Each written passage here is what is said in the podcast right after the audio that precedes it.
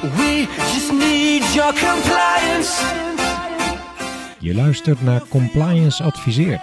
Deskundigen vertellen over compliance en integriteit bij Nederlandse financiële instellingen.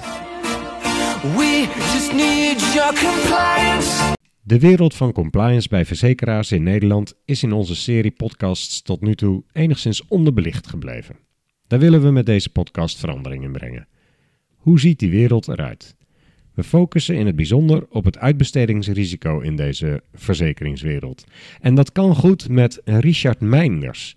Hij is managing partner bij SVC Groep, meer dan 30 jaar op senior posities werkzaam in de verzekeringsbranche en meer dan 13 jaar docent en auteur bij opleidingsinstituut NIBE SVV.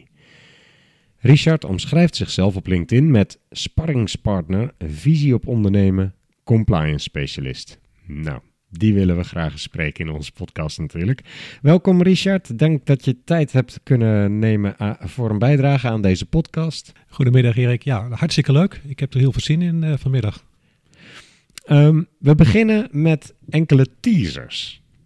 En hier komen ze. De compliance risico's in de verzekeringsbranche bestaan vooral uit financiële risico's. Ja, in de basis kun je natuurlijk ieder risico terugtrekken naar een eh, vertalen naar een financieel risico.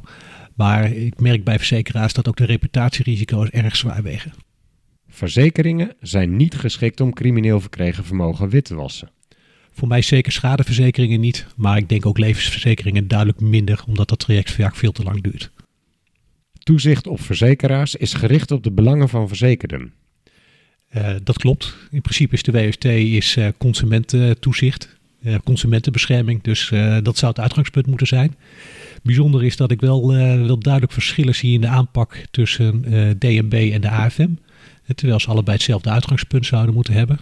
Waarbij mij opvalt dat DNB vaak wat meer op de lange termijn kijkt en AFM soms wat meer op de kortere termijn.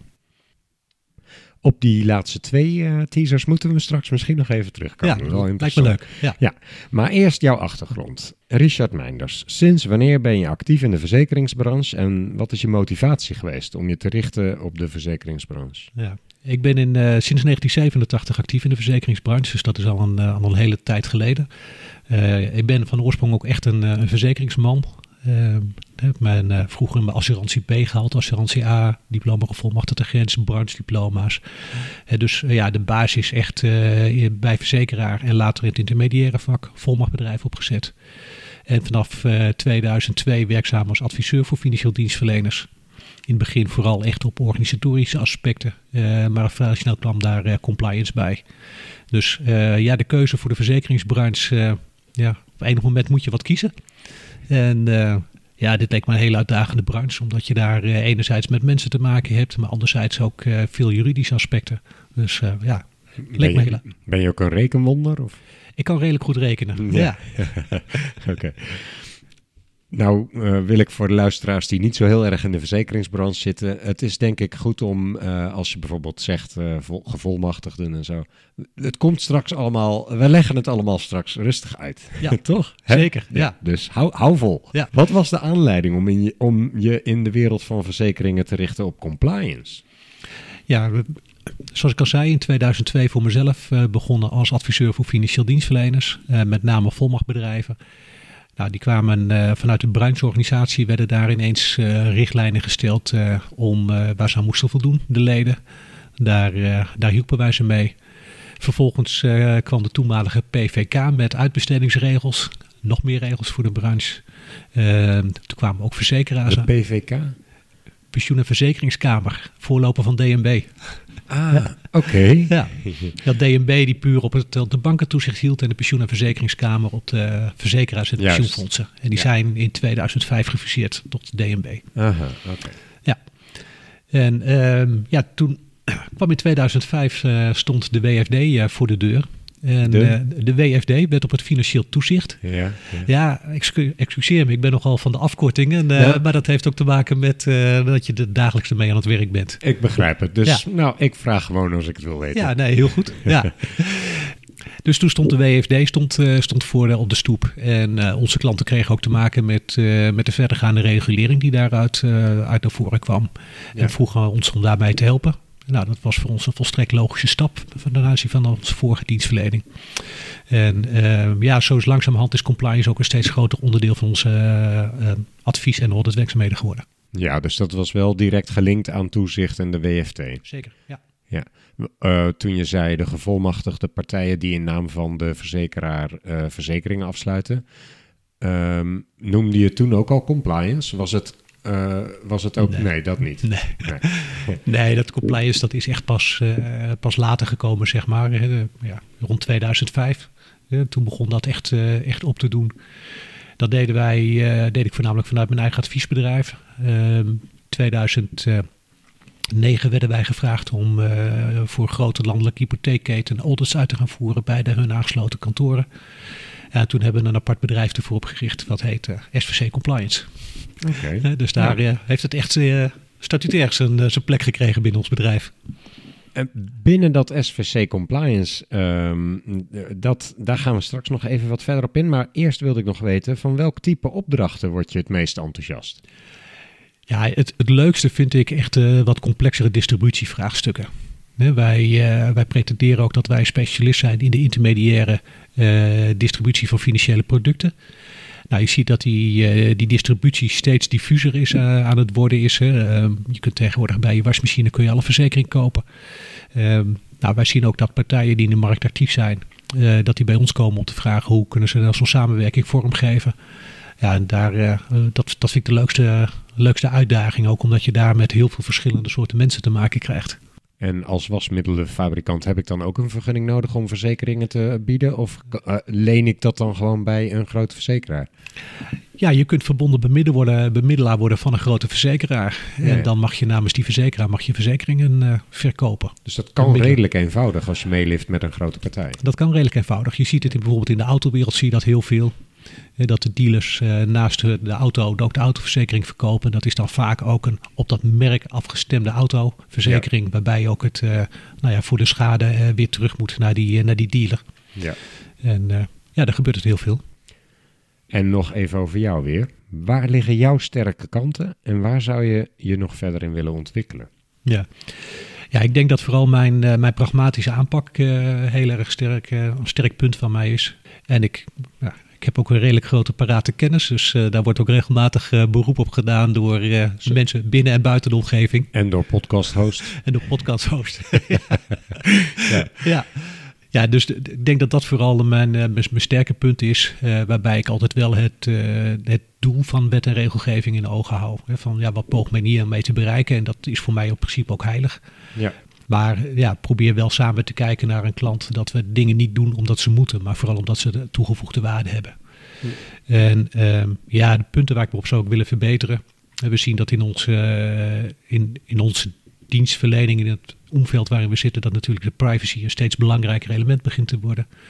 Ehm, nou, AVG ehm, heb ik redelijk in mijn, eh, in mijn plaatje, zeg maar, de UAVG. Maar, maar ze gaat De Algemene Verordening Gegevensbescherming. ja, daar is die weer. Ja. en de uitvoeringsregeling eh, AVG. Mhm. Eh, dat zijn echt belangrijke wetten. En, maar je ziet ook dat de samenhang vanuit die, die AVG met de wet op het financieel toezicht, eh, die wordt steeds strikter.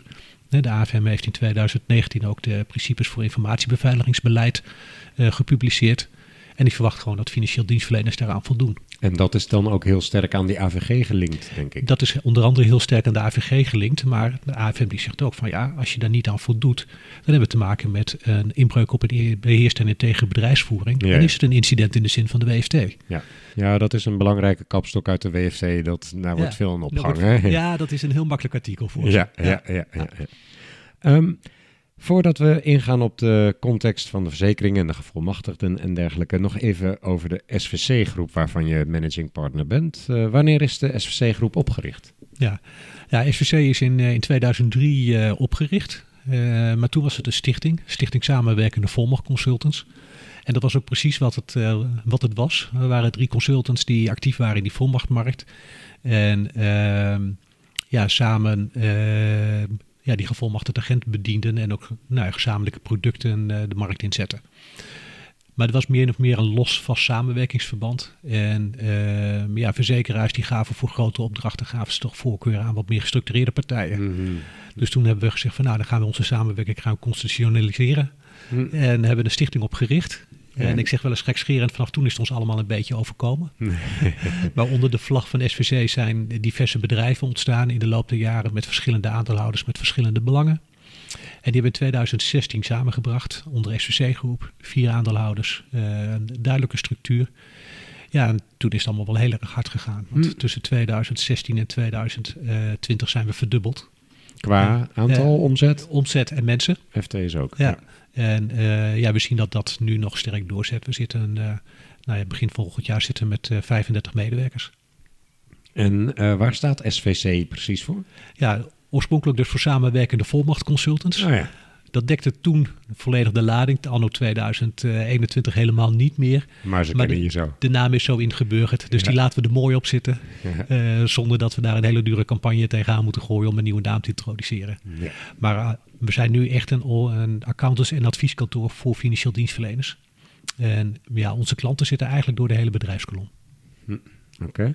Ehm, want welke diensten biedt SVC Groep en, en zijn er nog doelgroepen te onderscheiden in waar, jullie je diensten aan, aanbieden? Nou ja, zoals ik al zei, financiële dienstverlening. eh, dat is echt onze primaire doelgroep. Eh, of ik zeg wel eens, dat is onze enige doelgroep. Maar ik doe ook de financiële, de, de bankzaken. En ik zie ook af en toe betalingen binnenkomen van een autobedrijf, een golfbaan of een eh, verzuimbedrijf. Maar dat komt vooral omdat f- ja, assurantieondernemers zijn eh, ondernemende mensen. En die, eh, die doen er nog wel eens wat naast, zeg maar. Dus dat zijn altijd wel haakjes met bestaande klanten die in de financiële dienstverlening actief zijn. Eh, we hebben wat onder SVC-groep verschillende bedrijven. We hebben een accountantsbedrijf waarin wij alles doen wat een reguliere accountant ook doet. Dus jaarrekening, salarisadministratie, controleopdrachten. Ehm, maar daar zijn we echt heel erg groot in de, wat we dan noemen de volmachtcontrole. Gevolmachtigd agent moet jaarlijks een eh, accountantsverklaring verstrekken over zijn eh, financiële rapportage aan de verzekeraars. Nou, daar doen wij eh, de helft van het premievolume in volmacht wordt door ons gecontroleerd. Dus daar zijn we echt marktleider in. Ja. Dan hebben we een bedrijf wat zich bezighoudt met controlling. Dus vooral kijken naar ehm, ja, hoe lopen je financiële processen, hoe kun je die verbeteren, je managementrapportages. Nou, SVC Compliance, dat is de pet die ik, die ik vandaag een beetje op heb. En eh, dan daarnaast hebben we nog eh volmacht audits. En daarin doen we eigenlijk vooral werkzaamheden voor verzekeraars. Maar daar komen we straks nog wel even op. Oké, en, en wat voor, eh, want we gaan het nu hebben dan over die verzekeringen en wat je al een paar keer hebt laten vallen, de volmachten. Of, Ja. ik moet geloof ik zeggen gevolmachtigd agenten, klopt dat? Ja, dat is de officiële benaming. Ja, Zo, zo herkennen de toezichthouders het waarschijnlijk. ja, ja. Ja. Aan welk type klanten moet ik dan denken bij als we denken aan de verzekeraars? Wat, wat, wat zijn, wie zijn jouw klanten dan? Ehm, ja, Heb dat je is, een paar voorbeelden misschien? Of mag je dat niet noemen? Dat moet je zelf weten. Ja, nee, we noemen in principe geen namen van verzekeraars. Maar ehm, ja, die, die zijn heel divers. We hebben een paar eh, grote verzekeraars die eh, nou, bijvoorbeeld op het gebied van levensverzekeringen onvoldoende kennis hebben om, eh, om daar audits uit te voeren. Dus die, eh, die beleggen dat bij ons. Daar doen Ja, we ja. jaarlijks de audits eh, voor. Nou ja, dat is echt specialistenwerk. En ja, daar kun je dan zelf een afdeling voor optuigen. Maar als die twee keer per jaar een audit moet uitvoeren, dan is dat niet echt rendabel. Nee. Ehm, aan de andere kant ehm, ja, hebben we bijna bij alle grote volmachtgevers wel geassisteerd bij de inrichting van hun beheersingskader voor volmachten. Ehm, en wat we nu de laatste jaren vooral zien, ook door de internationalisering van de markt, eh, dat steeds meer buitenlandse verzekeraars een beroep op ons doen om hen te ondersteunen bij hun, eh, enerzijds hun beheersingskader, maar anderzijds ook bij het, eh, het uitvoeren van de audits in Nederland. Oké, ehm, dan als ik het goed begrijp, dan zijn die verzekeraars dus eigenlijk de, de volmachtgevers. Dat zijn de dat zijn volmachtgevers. dezelfde partijen Ja. waar je het dan over hebt. Ja. Deze klanten willen zich, eh, maar de klanten die willen zich verzekeren tegen schade of risico. Zij betalen als groep verzekeringspremie. En uit de opgehaalde premie worden bedragen uitgekeerd aan mensen die schade hebben gehad. Daar komt het in het kort op neer. Dat is het principe van verzekeren, toch? In, de basis wel. Ehm, maar. Nou, Ja. nou ja, je ziet dat verzekeren. hè, Kijk je gewoon naar de schaderatio, dan gaat ongeveer van iedere euro premie die geïnd wordt, gaat ongeveer 60 cent aan, eh, aan schade uit. Hè, dus er zit nog 40 cent eh, wat er omheen zit. Ja. Nou, de distributie, ontwikkeling, bedrijfsvoering, hè, de overhead, noem het maar op, hè, verzekeringspremie. Maar je ziet zeker ook in de zakelijke markt dat preventie ook een steeds belangrijker onderdeel gaat worden. Ja, ja. Want je kunt je wel verzekeren, maar je kunt veel beter met elkaar zorgen dat die schade helemaal niet voorkomt. ja. En Nou, dat drukt dan ook de premie weer natuurlijk. Dat drukt uiteindelijk de premie. Ehm is wel grappig. Ik had die toevallig gisteren met een klant van mij over. Die, die is met een verzekeraar heel actief op dit terrein. Eh, ik ja, jij krijgt een percentage van die premie als jouw commissie, hè, als jouw beloning. Maar uiteindelijk, doordat je dat risicopreventiegedeelte heel erg goed doet, gaat je omzet naar beneden. Hmm. Hmm. Eh, dus daar moet je eigenlijk toch met je klant ook al op vooruit kijken. En eh, kijken hoe je daar een, ja, zorgt dat je daar ook een rendabel beloningsmodel aan overhoudt. Hè? Dat jou, Ja. jij moet natuurlijk wel gestimuleerd worden om dat rendement beter te krijgen en die premie omlaag voor jouw klant. Ja. Ja. Dus dat zijn, eh, zijn leuke discussies. En Dat dan, zijn zal, de uitdagingen in en, dan zal, en dan zal de minister zeggen van ja, daar is provisietransparantie voor. Maar die discussie zullen we vandaag maar niet voeren, want daar kunnen we wel een aparte podcast over, eh, over houden. Wie weet, laten we dat in de pocket houden. Als deze klanten zich dan willen verzekeren, dan kunnen ze zich dus melden bij een verzekeraar. Zo simpel is het toch? Ja, dat zou kunnen. Ja? Maar eh, ja, dan heb je alleen eh, die verzekeraar en de oplossing die, die die verzekeraar op de plank heeft liggen. En de vraag is of dat voor jou als, eh, als consument of als ondernemer of dat de beste oplossing is. En wat je natuurlijk ziet is dat die tussenpersoon, ja, die kent de markt. Die, weet, die heeft ook vaak goede relaties met, met een aantal verzekeraars. Dus die, die kent de producten. Die weet voor welk product hij bij welke verzekeraar het beste kan, kan zijn. Om op die manier voor zijn klant het beste binnen te halen. Ja, dus het is wel het best om daar een agent of een, een gevolmachtigde partij naar te laten kijken. En Ja. jou te adviseren welke verzekering voor jou passend is. Ja, nou daar komt al een, eh, een, een, een, een duidelijk puntje zeg maar, van hoe de markt werkt. Want een gevolmachtigd agent adviseert nooit. Oké. En die bemiddelt ook niet. Die is gevolmachtigd agent en dat is ook het enige wat hij doet.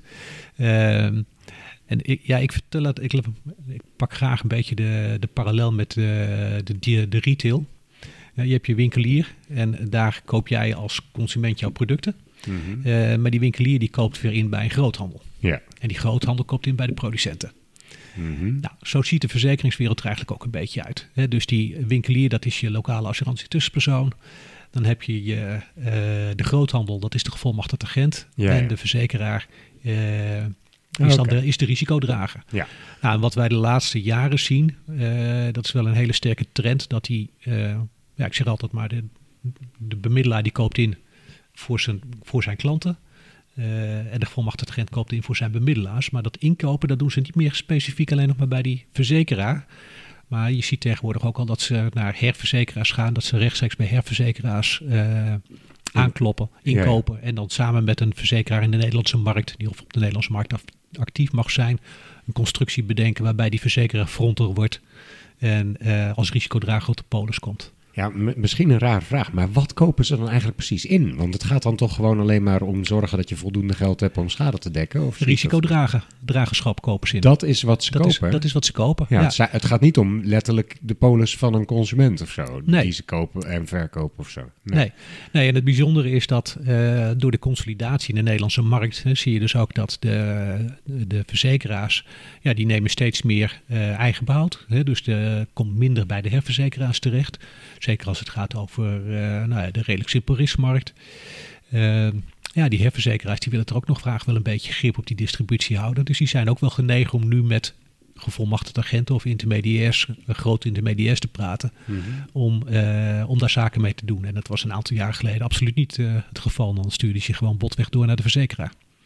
Nu we een beetje in kaart hebben gebracht hoe die, werk, hoe, hoe die wereld eruit ziet.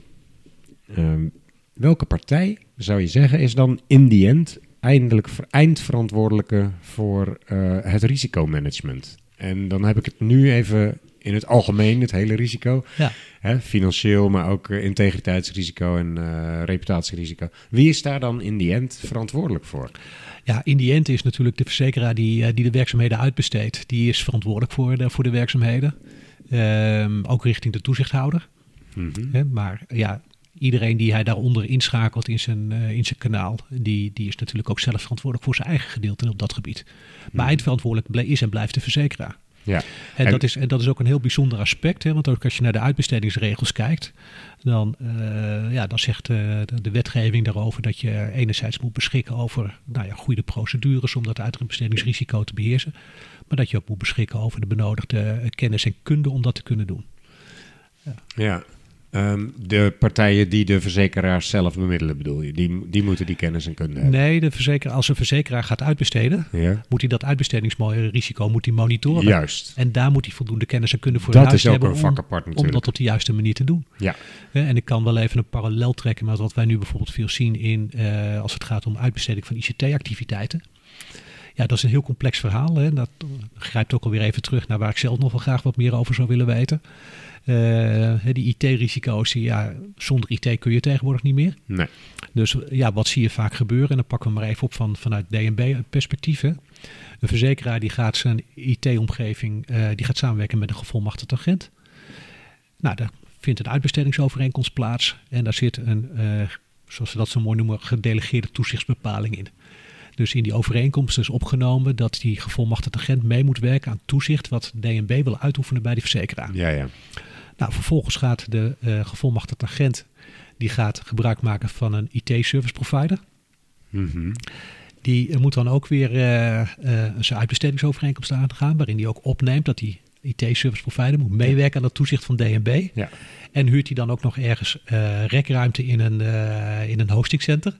Ook die partij. Ook die weer. Ja. Dus dan zie je door de hele keten heen moet dat proces geborgd worden. Maar dat geeft wel aan dat aan het eind die verzekeraar verantwoordelijk blijft. Is het nagaan of die eh, verantwoordelijkheden goed zijn belegd ook een taak van SVC Groep om dat in de audits dan mee te nemen? Wordt dat standaard bekeken? Nou ja, dat is wel, wel aardig. Daar komen we straks nog wel verder op te, op te spreken. Maar in de volmachtbranche hebben we het werkprogramma risicobeheersing volmachten. En daar zijn de uitbestedingsrisico's is een van de, van de issues zeg maar, waar een accountant op moet controleren of dat voldoende in, eh, in controle is. Ja. Nou kan ik me voorstellen dat alleen die clausule in dat contract, u moet eh, meewerken als DNB een audit wil doen, dat dat nog een heleboel uitwerking vergt ook. Dat je in de praktijk ook wilt kunnen zien dat, eh, dat die partij waar je iets aan uitbesteedt daar klaar voor is als dat gebeurt. Ja, Je wilt niet op het moment dat DNB langskomt ontdekken dat het helemaal niet werkt. dat daar. het niet werkt. Nee. Hoe, hoe, hoe beheers je dat? Ja.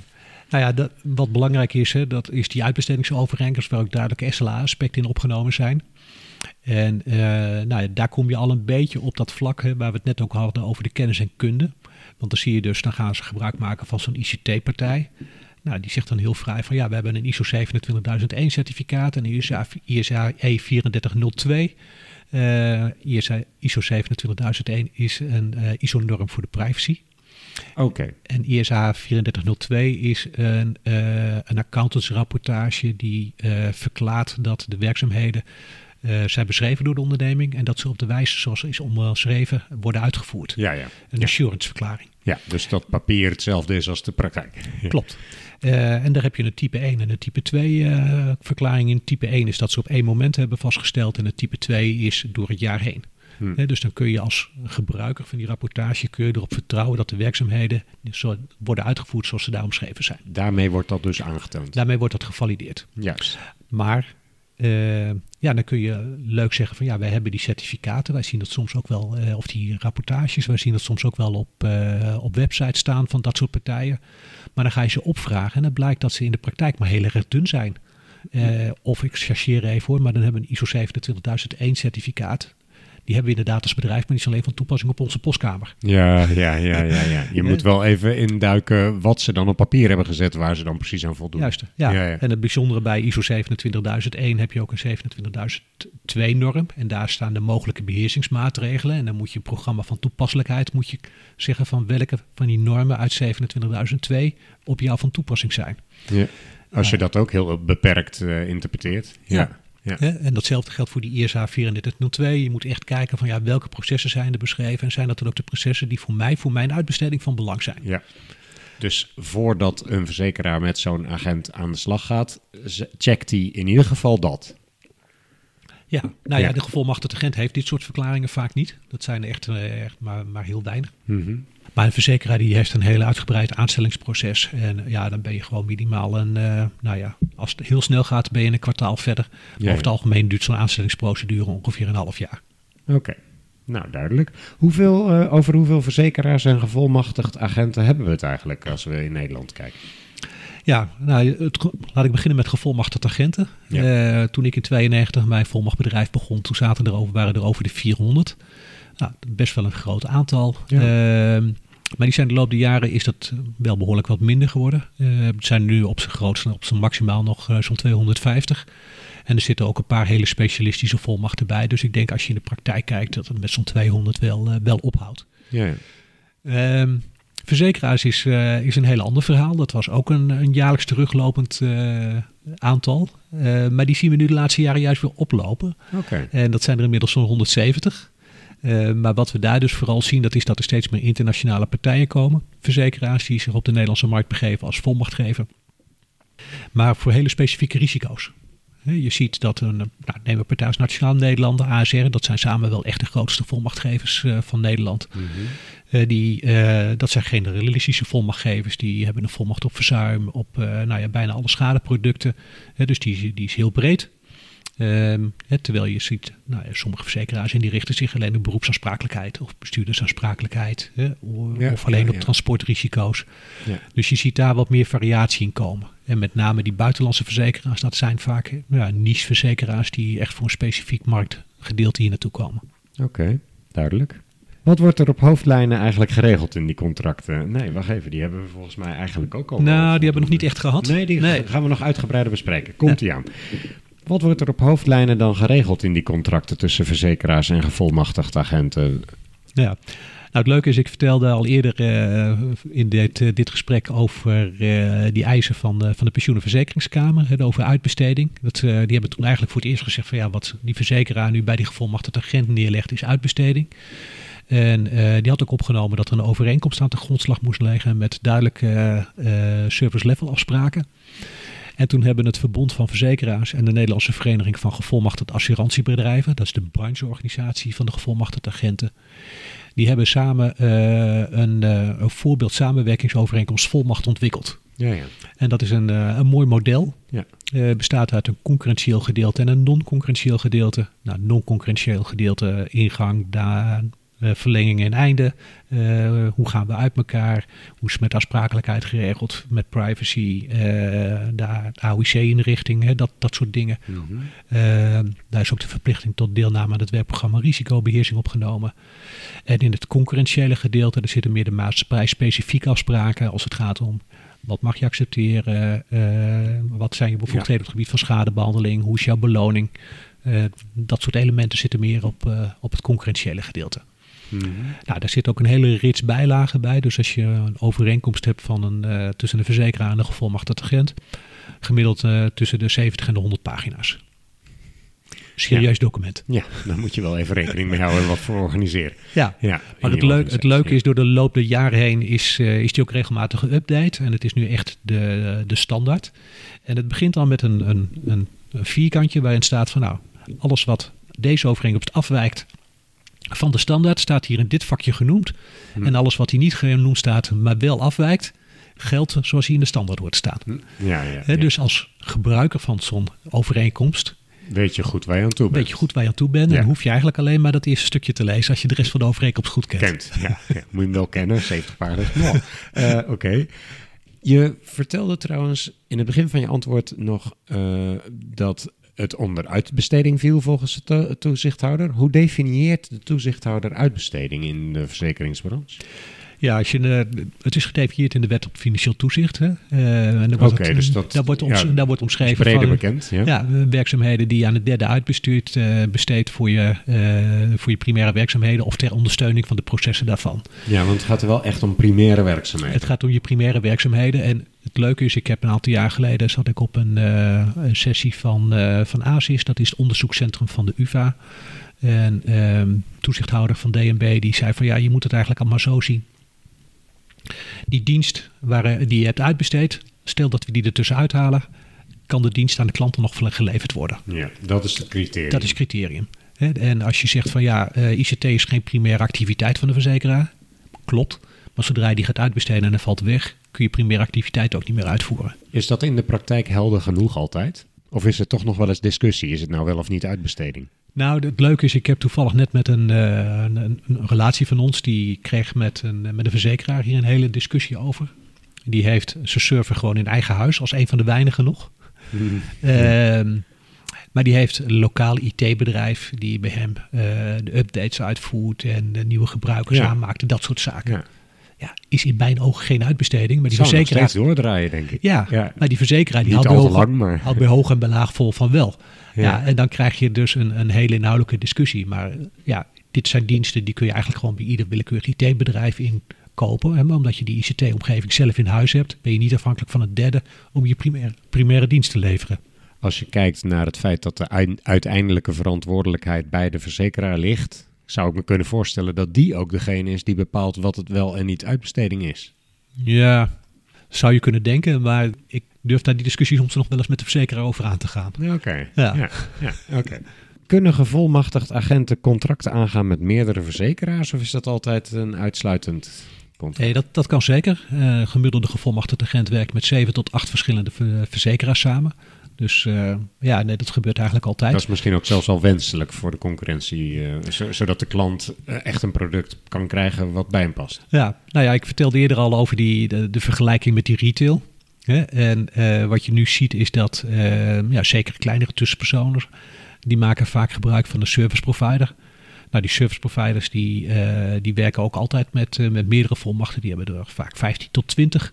En die bieden daardoor een heel breed palet aan, eh, aan verzekeringsoplossingen. Waar die, ja, die, die, die kleine tussenpersoon zelf geen toegang meer toe heeft. Omdat die te klein is voor de verzekeraar. Hè, dus die zijn echt die groothandel geworden in die distributie van verzekeringsproducten. Ja, Nou, het leuke is doordat ze juist zo'n breed aanbod hebben, kun je door als nou, kleine tussenpersoon met, eh, met één of twee van die service providers samen te werken, kun je toch bijna de hele markt eh, aanbieden aan jouw klant. Dus ook echt daardoor een goed passend product bij je klanten neerleggen. En ehm, hoe, hoe werkt dat? Krijgen gevolmachtigde agenten provisies van, van verzekeraars of wat is hun verdienmodel? Ja, nou, is geen provisie, eh, maar zij krijgen commissie. Daar zit een duidelijk verschil in ten opzichte van het intermediair. Op een verzekering zit provisie en daarnaast zit een commissie voor de gevolmachtigde agent. Ehm, ja, die commissie is, eh, is duidelijk lager dan, eh, dan de provisie. En- En wat is eh, precies het verschil even voor de zekerheid? Ja, de- in de wet wordt provisie wordt genoemd de beloning die de klant betaalt aan, eh, voor de dienstverlening. Hè. En of dat nou via de verzekering komt of dat de klant dat zelf betaalt, maakt eigenlijk vanuit de WFT niet uit. Het wordt door de, door de wetgever allebei provisie genoemd. Hè, terwijl wij in de, in de markt het vaak wat de klant betaalt noemen we een fee. Hè, en wat de verzekeraar betaalt provisie. Maar de wet op financieel toezicht zegt van beide dat het gewoon provisie is. Ja, ja. En die provisie moet passend zijn en mag niet eh, eh, onredelijk zijn, zeg maar. Een gevolmachtigde agent die krijgt commissie. En dat is de beloning die hij van de verzekeraar ontvangt voor zijn werkzaamheden. En die worden dus, eh, dat zijn werkzaamheden die normaal een verzekeraar zelf zou doen. En die hij nu heeft uitbesteed aan die gevolmachtigde agent. ja. Ehm, bijzonder is ook dat in het kader van die, nou ja, de hele discussie over de beloningstransparantie eh, in 2012 is daar natuurlijk veel in gewijzigd. Met de directe beloning op complexe en impactvolle producten. En toen is ook de beloning voor gevolmachtigde agenten op de schop gegaan. Het Verbond van Verzekeraars en de NVGA hebben het jaar daarvoor hebben ze zelf een sensitiviteitsonderzoek uit laten voeren. Om te kijken van ja, waar zitten nou bepaalde risico's in, in dit bedieningsmodel. En nou ja, daar kwam uit voren, zo noemden de onderzoekers dat, een, een waterbedeffect. Dat het mogelijk zou kunnen zijn dat als de provisies onder druk komen te staan, dat dan de commissie omhoog gaat om toch de verdiensten Ja, ja. eh, Gelijk te houden. gelijk te houden. Nou, dat woord waterbedeffect, eh als dat genoemd wordt, dan eh, schieten een, eh, een heleboel mensen in de branche in een acute kramp.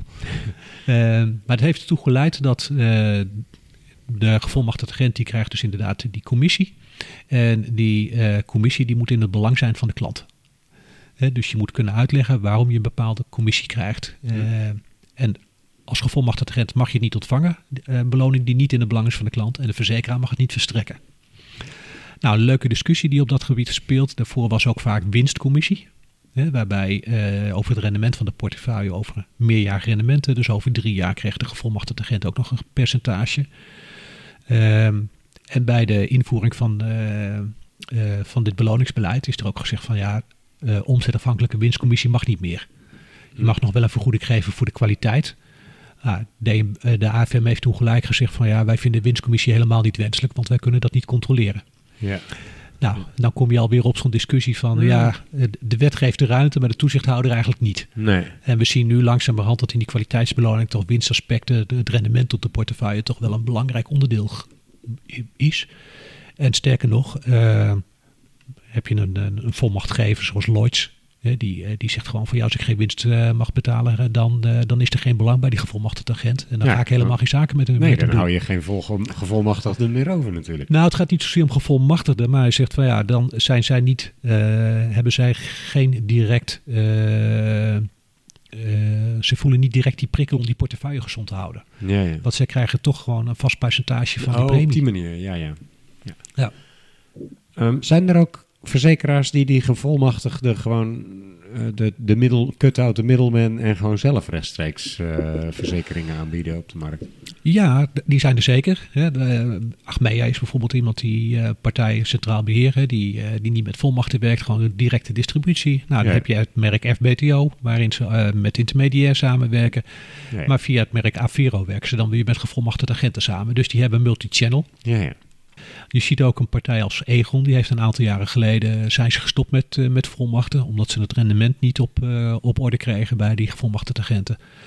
Ehm, ja, en Egon zat toch veel meer aan de, aan de leven en de financiële kant, niet zozeer van, van oudsher in de schade. Dus die, eh, die zijn daarmee gestopt. Maar die zijn nu weer aan het overwegen om toch weer met volmachten te gaan werken. Want Lars Friese is daar CEO geworden. En die komt bij Nationaal Nederland vandaan, waar ze al heel succesvol met volmachten samenwerkten. Dus je ziet eh, ja, daar ook wel eens wat zwalkend bele- beleid van verzekeraars. Dat ene moment wel, het andere moment weer niet. maar ehm, ja, kijk je naar de, naar de totale schademarkt.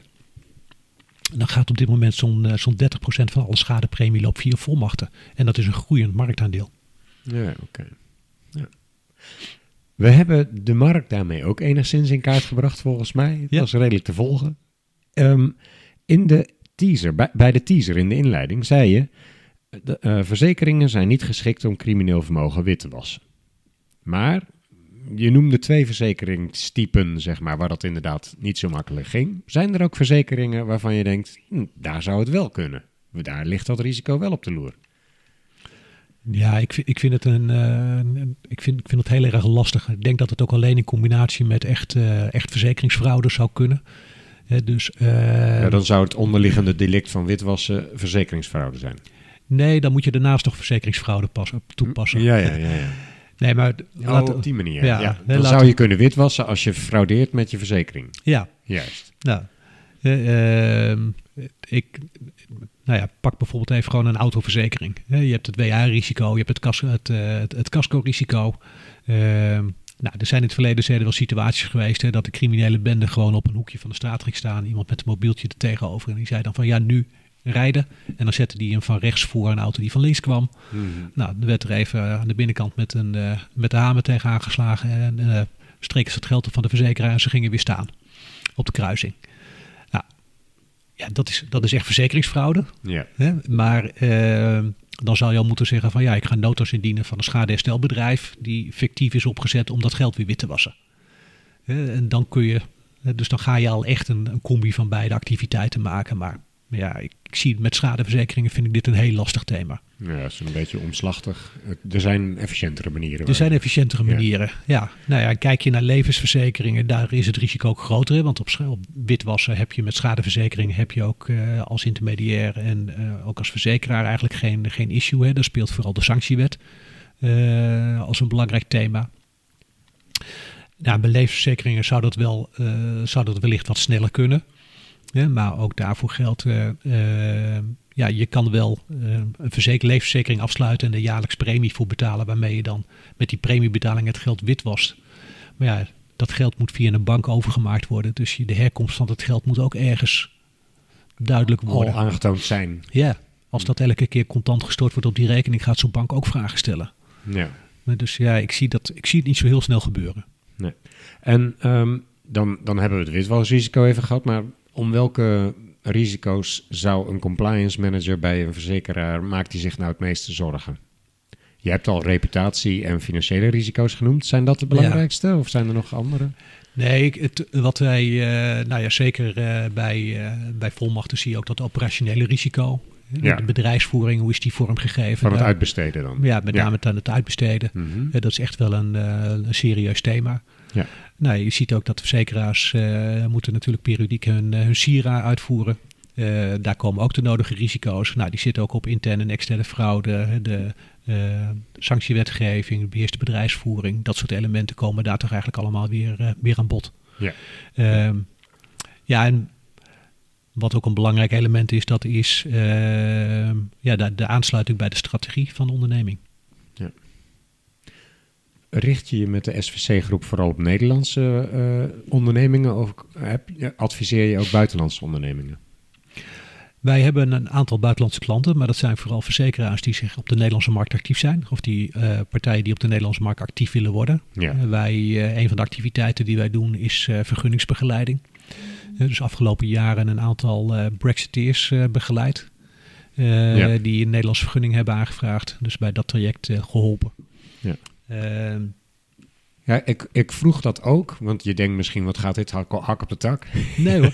maar eh, ik vroeg het ook omdat jullie natuurlijk zelf als SVC-groep, of misschien de verzekeraar die jullie adviseren, eh, ook bijvoorbeeld PEP-screening moeten doen bij de eh, gevolmachtigde agenten die zich bij jullie melden. Of doen, jullie dat? Nou, dat is het leuke. We zijn toevallig net eh, uitgebreid bezig geweest met ons eigen WWFT-beleid. omdat we ook een accountantsbedrijf hebben, moeten we eh, daar actief aan Ja. voldoen. Ja. Ehm, Ja, jullie zijn zelf WWFT-verplichtig. Ja. Ook. ja. ja. En eh, ja, dat is eigenlijk primair het accountantsbedrijf. Maar we hebben gezegd van ja, dit- dat gaat niet werken om het voor één onderdeel te doen. Eh, dus we doen het gewoon voor, voor het hele bedrijf. Ja, dat houdt niemand tegen. Houdt niemand tegen, maar we hebben al geïdentificeerd dat eh 99% van onze klanten een laag risico zijn. Omdat Ja. die onder toezicht staan van een bij de Europese economische ruimte aangesloten toezichthouder. Ja, ja. Ja. En Dat is dus of AFM of eh, de BVBA in België of eh, de FCA in, eh, in Engeland. Ja. Dus het, het zijn vaak al gereguleerde partijen ja, waar mee waar we mee werken. Ja. Duidelijk.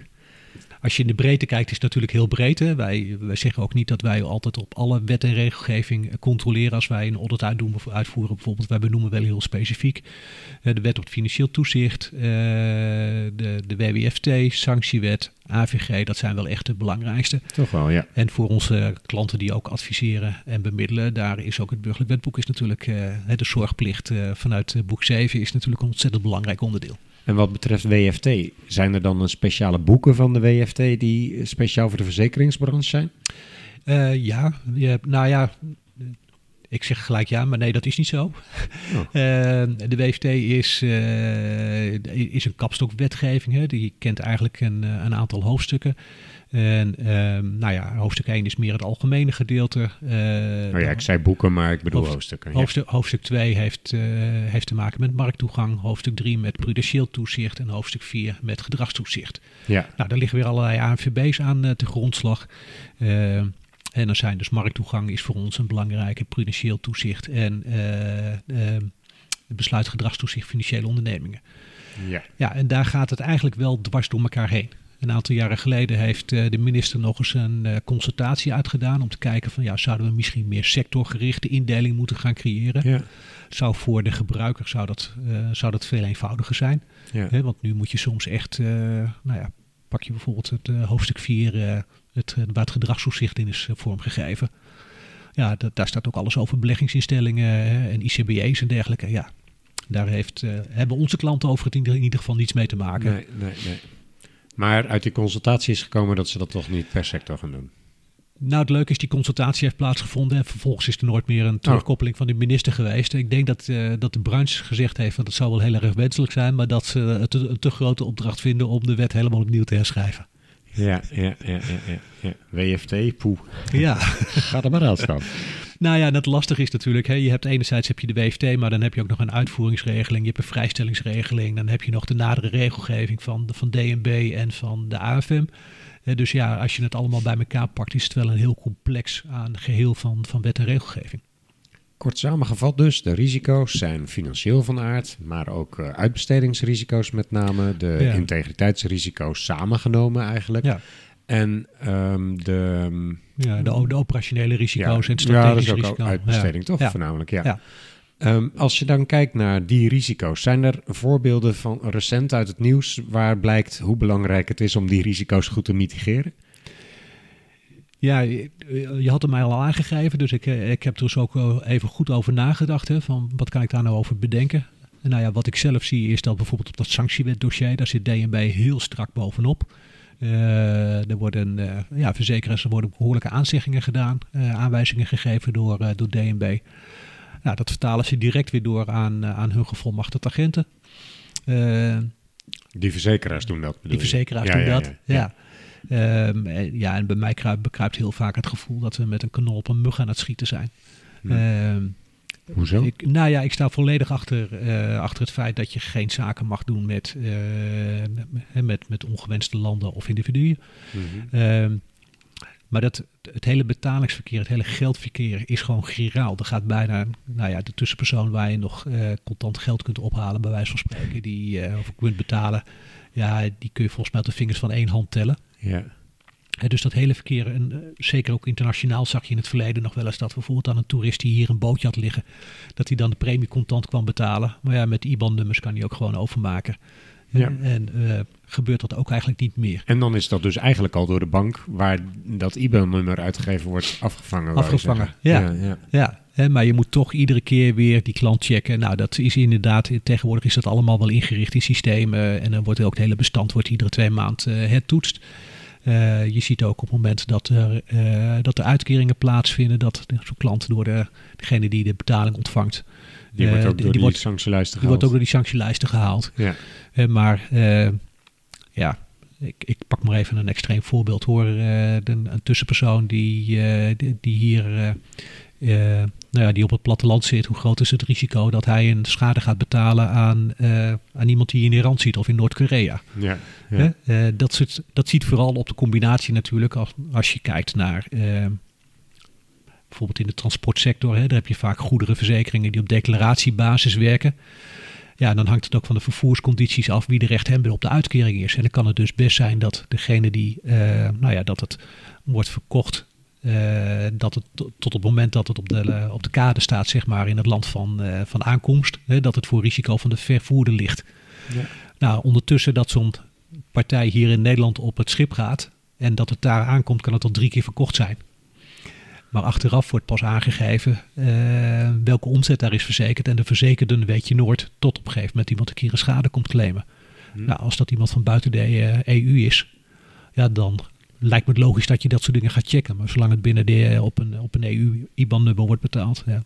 wat is Maar je risico? Een gesanctioneerde partij die uh, in Rusland zit en zo'n soort bedrijf ook ernaast heeft, naast zijn corruptiepraktijken, ja.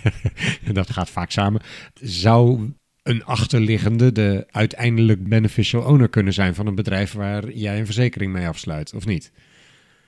Wordt er uh, bij verzekeraars ook dan aandacht besteed aan KYC, aan know ja, customer ja, principe. Ja, ja, dat, dat is daar ja, echt... WFT ook ja. en WWFT. Ja, nee, maar dat is echt een heel zwaar dossier. En uh, daar, uh, ook daarvoor hangt AFM natuurlijk weer keurig op aan dat kopje van beheerstende tegen bedrijfsvoering. Ja, precies. Dus, dus eigenlijk is in dat opzicht... Ik kan me inderdaad voorstellen wat je zegt... dat banken eigenlijk vaak hun werk al uitgevoerd hebben... en jullie betalen uit naar een bankrekening. Dus als dat een Nederlandse bankrekening is... zou er al gecontroleerd moeten zijn. Ja.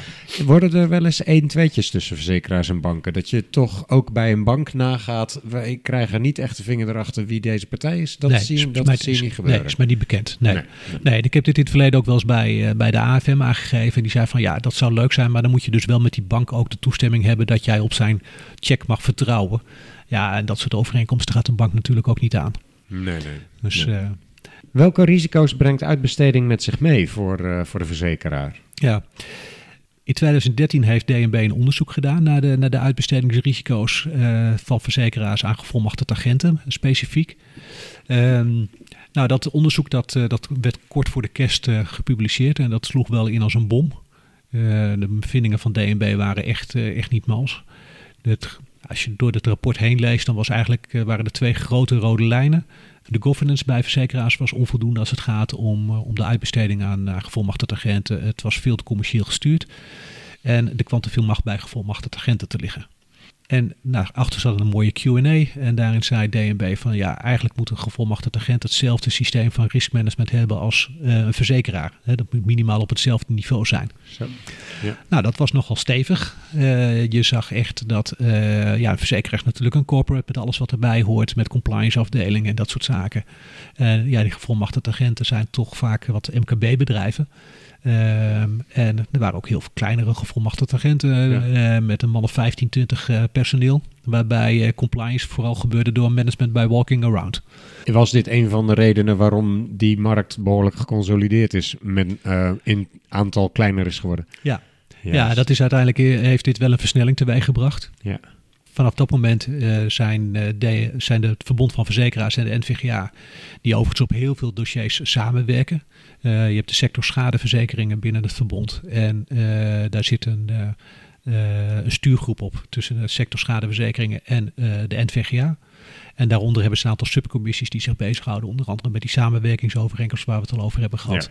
Maar bijvoorbeeld ook met de risicobeheersing, eh, met de data-inrichting bij gevolmachtigde agenten. Eh, zo is er een eh, stichting eh, uniforming, uniforme inrichting volmachtketen opgericht, waarbij dus eh, IT-bedrijven, het Verbond van Verzekeraars, de NVGA, alle leden van het, eh, van het NVGA lid zijn geworden om die data-inrichting in het volmachtkanaal te, op dezelfde manier te krijgen. Mhm. Eh, dus zo zie je dat er op heel veel dossiers eh, samenwerkingen zijn. Nou, vanuit dat samenwerkingsverband zijn ze dan ook naar die risicobeheersing gaan kijken.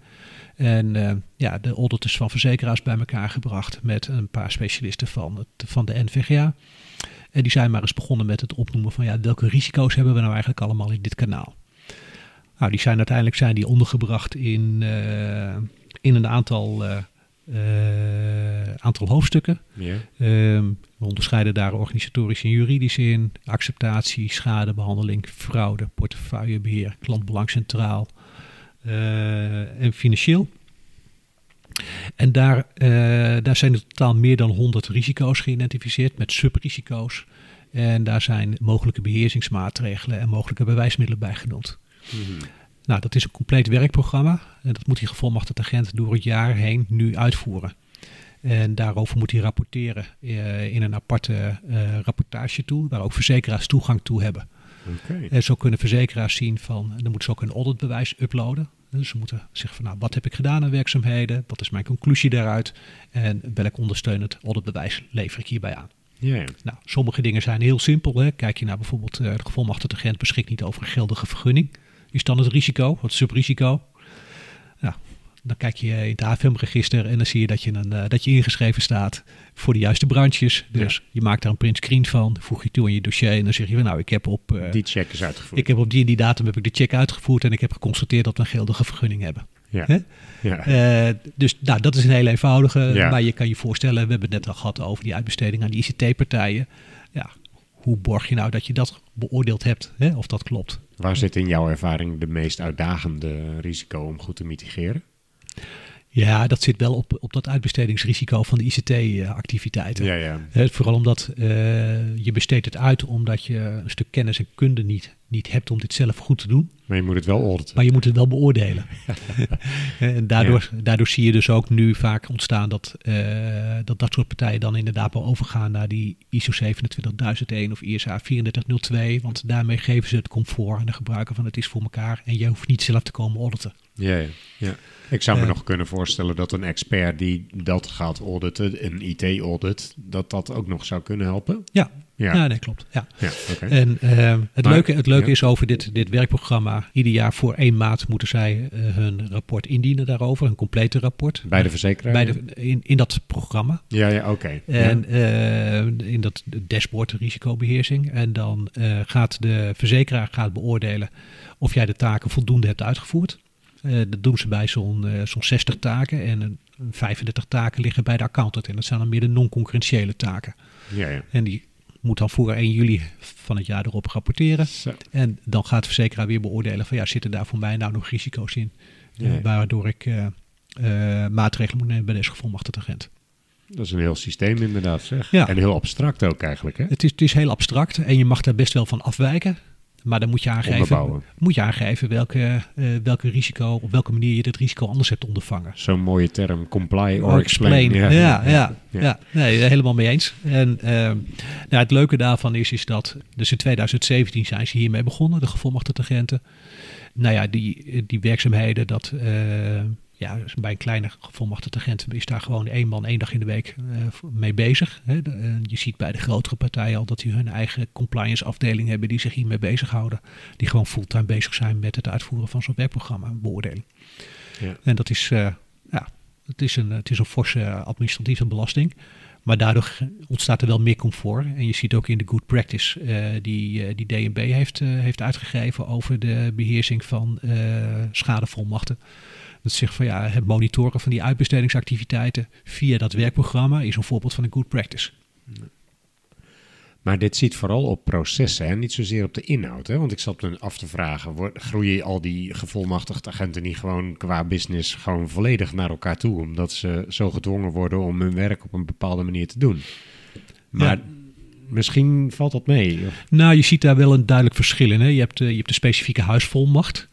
En eh, die werkt eigenlijk maar met één bemiddelaar samen. En dat is zijn eigen bemiddelingsbedrijf. En dan kun je denken aan een partij als eh, One Underwriting. Dat is, het, dat is de huisvolmacht van E.ON. En eh, die werken eigenlijk alleen maar met hun eigen, eigen bemiddelingsbedrijf samen. Hè? Die maken de verzekeringsoplossingen waar E.ON mee de markt Moet dat gaat. niet dan gewoon één bedrijf worden? Nou, dat is het leuke. Dat, ma- dat mag. Dat mag niet. Sinds 2012 dus ook niet meer. Toen is het volmachtprotocol eh naar aanleiding van het sensitiviteitsonderzoek gekomen.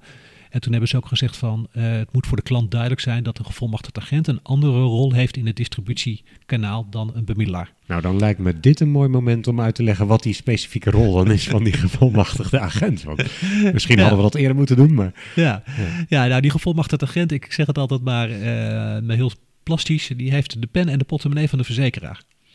Eh, Mm. Als je naar de, dat is ook weer zo mooi, hè, want in de BFT het allemaal maar heel marginaal gedefinieerd. Hè, dat is degene die namens verzekeraar, verzekeraar verzekering accepteert.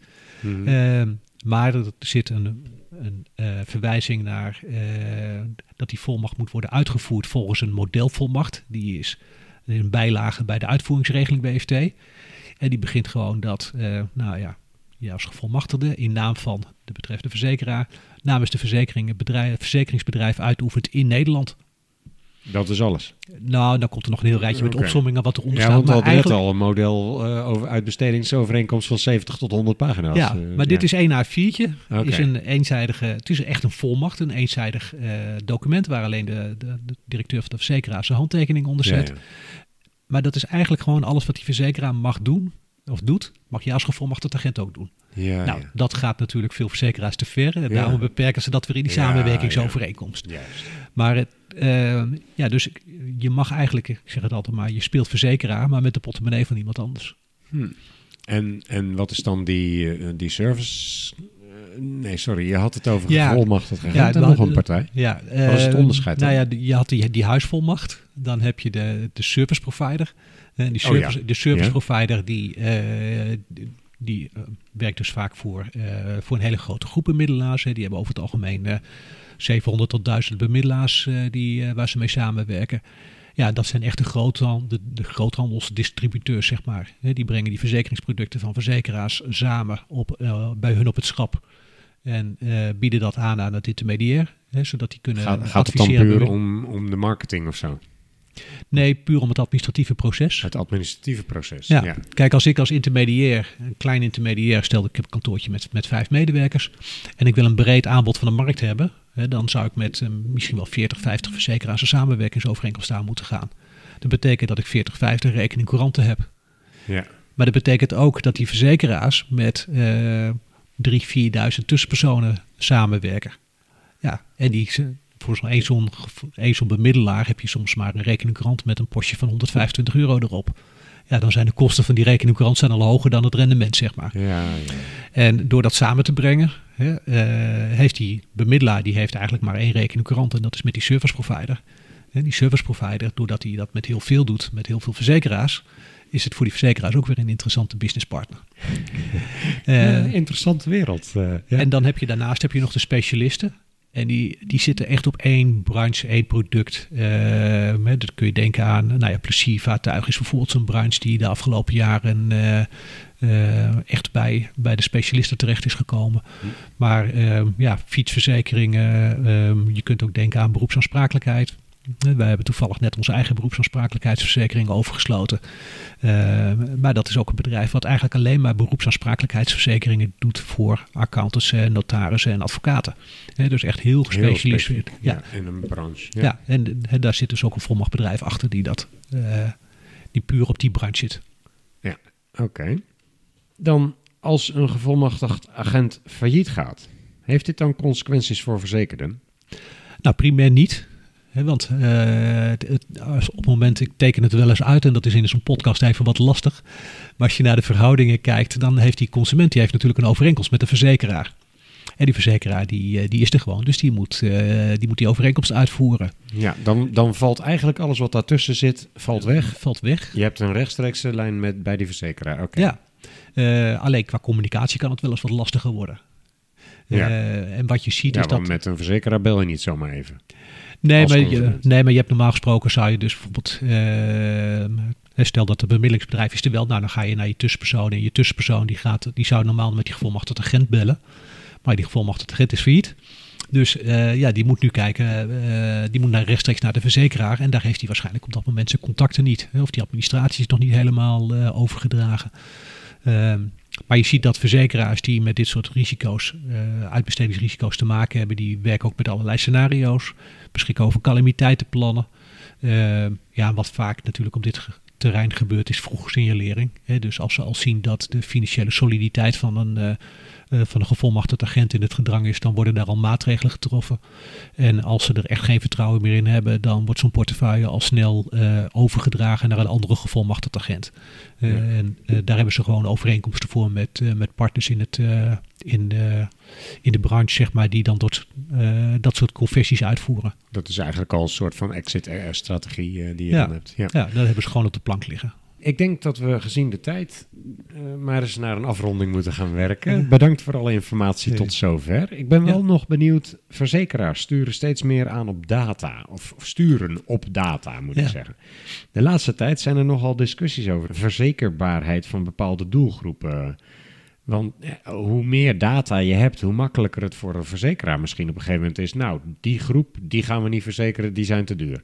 Hoe verwacht je dat dit zich zal ontwikkelen?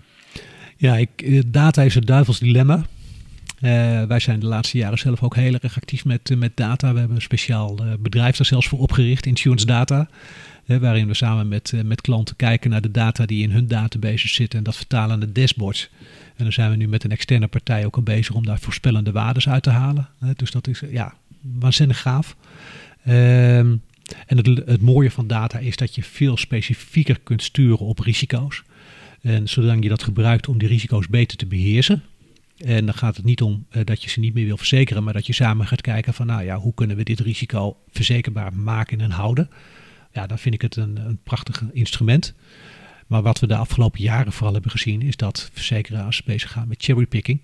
En dan zegt ze van ja, we hebben die producten zijn best verzekerbaar, alleen is het tarief dan dermate hoog dat het niet meer op te brengen is. Ja, want op en, een gegeven moment zou je ook verwachten, misschien komt er wel een soort omslagpunt dat het helemaal niet meer zinvol is voor een consument of voor een, iemand die een risico loopt om een verzekering af te sluiten. Want je krijgt precies uh, berekend, nou, jouw risico is dit, dus jij betaalt dit, deze premie. Dan ja. kan ik net zo goed zelf sparen. Dat, dat, dat ja. risico loopt een verzekeraar weer. Dat, dat, Klopt. Alleen het punt is, je weet nooit wanneer dat risico zich opdoet.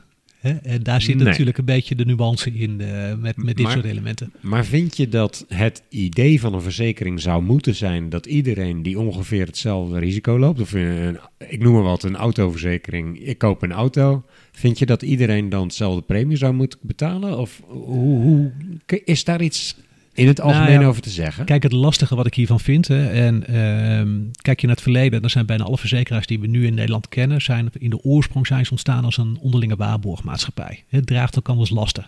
Gewoon lokaal ja. brandwaarborgmaatschappij. Ja. We gaan samen gaan we de risico's ondervangen die we niet meer kunnen dragen. Ja. Nou, in, de, in de jaren 70, 80 zijn die allemaal omgevormd tot, eh, tot naamloze vennootschappen, zijn naar de beurs gegaan. eh, en nu gaat ineens wat aandeelhoudersbelang gaat, eh, gaat Ja. regeren. Ja. Ik heb op enig moment ook een, een verslag gelezen van, van de bestuursvoorzitter in, met analisten, beursanalisten. die zei van ja, we hebben nog een aantal producten op de plank liggen die... ja, daar is de kostprijs van te hoog om die op de plank te brengen, te houden. Dus dan hebben we het nog niet eens over de schaderisico, maar puur over de kostprijs om het, om het risico überhaupt aan te bieden. Eh, dus ja, die gaan we de komende jaren er ook uitsnijden. Eh, en eh, dan denk je van ja, dan verlies je toch wel een beetje met waar je vandaan komt en waar je eigenlijk toe op aard zou moeten zijn als verzekeraar.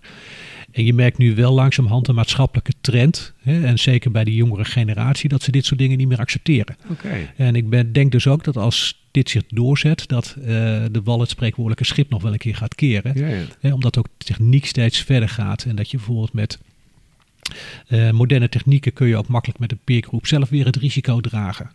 Hè, en dat Ja. er dan weer moderne vormen van Ja. onderlinge gaan Ja. ontstaan via, een, eh, via een internetplatform. En met de blockchain technologie. Gebeurt dat niet eigenlijk ook al? Dat er Nou, ziet- platformen zijn online? Je ziet het met de broodfondsen. Hè, maar Ja, voor de rest gebeurt er nog relatief weinig.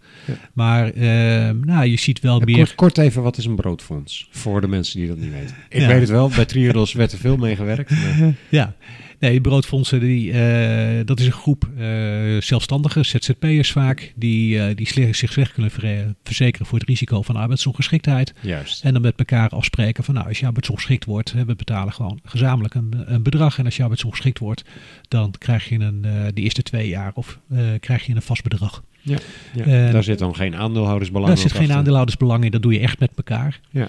Eh, nou, als je kijkt naar fietsverzekeringen, heb je nu in Nederland heb je eh, sinds kort eh eh, LACA.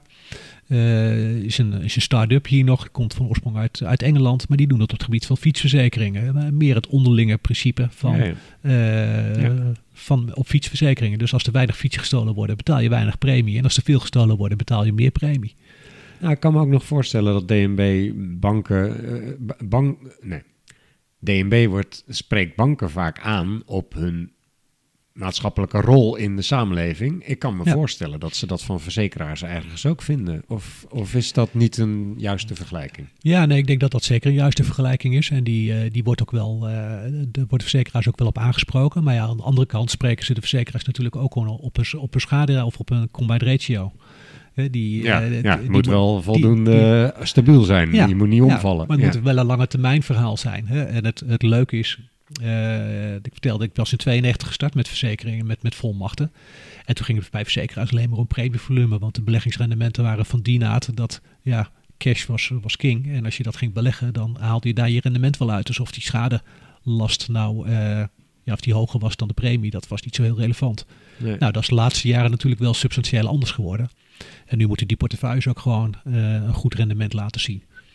En daar is ook de afgelopen jaren zijn, daar is daar door DNB behoorlijk op gestuurd. Nou, recent ook weer een, eh, een update van, eh, van DNB over geweest. En dan zie je dus ook dat die, eh die combined ratio's eh, de laatste twee jaar toch, eh, toch behoorlijk verbeterd zijn.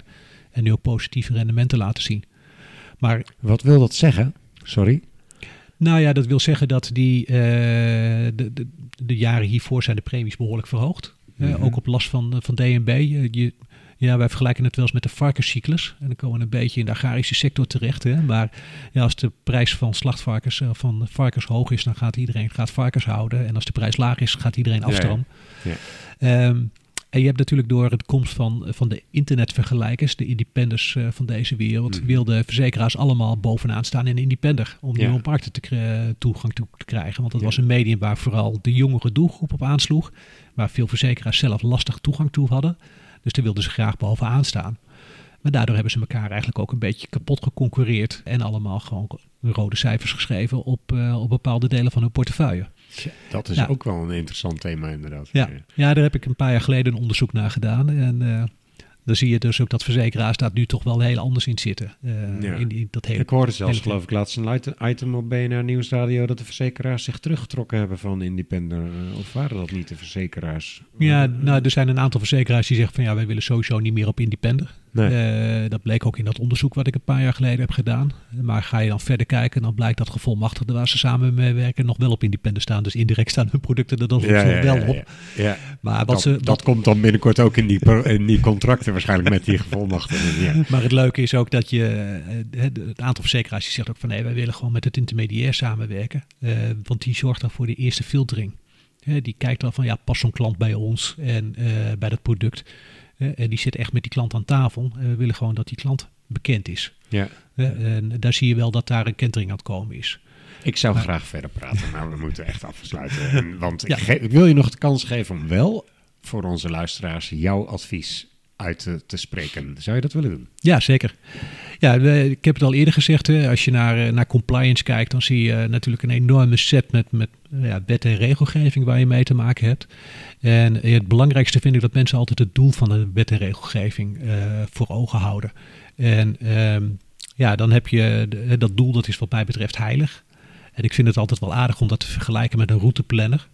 Als ik, eh, ik woon zelf in Emmeloord en als ik naar, eh, naar mijn kantoor ga in Amersfoort, dan is mijn, eh, mijn meest logische route is, om via eh, Lelystad de polder in te duiken en dan bij Nijkerk er weer uit te komen. En dan ben ik een uur en acht minuten later ben ik op kantoor. Maar goed, dat laatste stukje Nijkerk-Amersfoort staat nog wel eens een, een file. En dan kan het voor mij zinvoller zijn om even door te rijden naar Almere en dan Eemnes en dan naar Amersfoort. Is ook 1 uur en 8 minuten, maar is eh, zo'n 12 kilometer verder. Ja. Nou, maar het doel is dat ik om half negen op kantoor ben. En dat realiseer ik of ik naar links of rechtsom ga.